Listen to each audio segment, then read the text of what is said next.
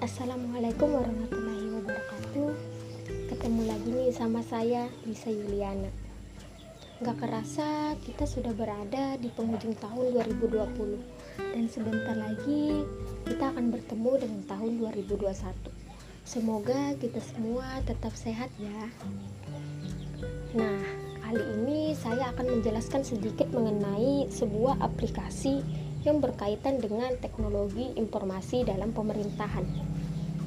Aplikasi yang saya jelaskan ini dinamakan SP4N Lapor atau Sistem Pengelolaan Pengaduan Pelayanan Publik Nasional, Layanan Aspirasi dan Pengaduan Online Rakyat. Aplikasi ini berasal dari Kementerian Pendayagunaan Aparatur Negara dan Reformasi Birokrasi atau yang disebut dengan Kemenpan sebagai pembina pelayanan publik, kantor staf presiden atau KSP sebagai pengawas program prioritas nasional dan ombudsman Republik Indonesia serta sebagai pengawas pelayanan publik.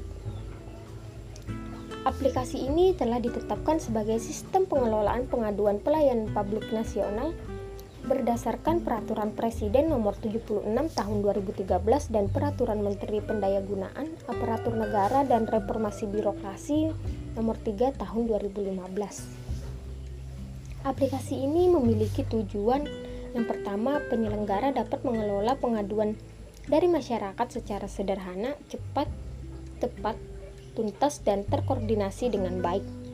Yang kedua, penyelenggara memberikan akses untuk partisipasi masyarakat dalam menyampaikan pengaduan. Dan yang ketiga, meningkatkan kualitas pelayan publik. Selain ada tujuan,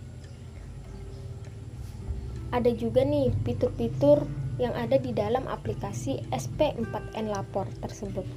Yang pertama, anonim.